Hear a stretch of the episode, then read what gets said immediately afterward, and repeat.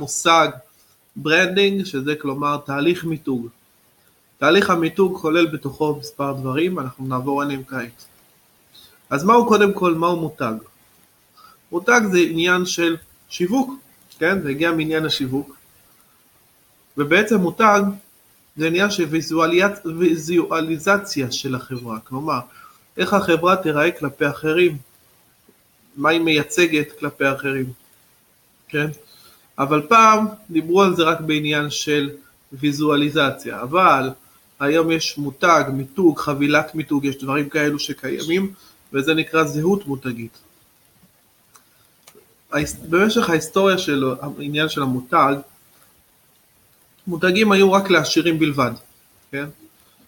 לכולם, כל מי שהשירים האלו, אותם השירים, ייצרו את זה באופן פרטי, את העניין של המותג.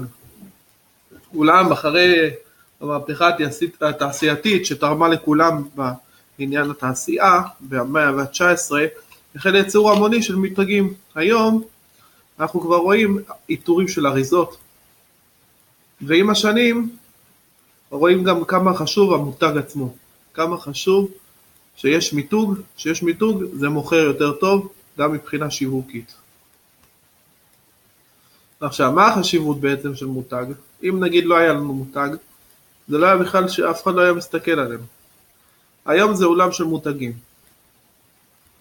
אבל אה, בתוך עולם המותגים אנחנו צריכים להיות מובדלים מהמתחרים שלנו, כן? דבר נוסף, אנחנו צריכים לעמוד ביעדים של הצרכן, כן? יש לנו ערך גבוה. הרי מי בסוף הלקוח שלנו? הלקוח שלנו הוא הצרכן. ואנחנו מעוניינים שהוא יקנה מאיתנו את המוצר בעקבות המיתוג.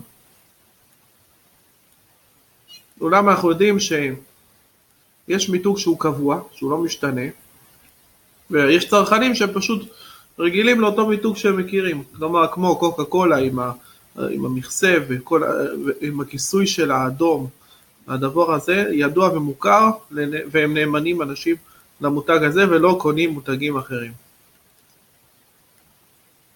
עכשיו, למיתוג יש תהליך גם, כן? איך אנחנו בתור, בתור חברה, בתור סטארט-אפ, נפתח, נעשה מיתוג? צריך לתכנן את זה בצורה אסטרטגית. צריכים להחליט מה הערכים שייצג המיתוג שלי. כן? לחשוב אחר כך על המלל של, שיתאים למיתוג. מלל שיתאים לחברה, שייצג את החברה. גם צריך להיות נבדלים מהמתחרים, שזה חשוב לדעת. והדבר של המיתוג, אנחנו רואים אותו תמיד שקיים שירות או מוצר חדש בחברה. תודה רבה על הקשבה ויום טוב והצלחה.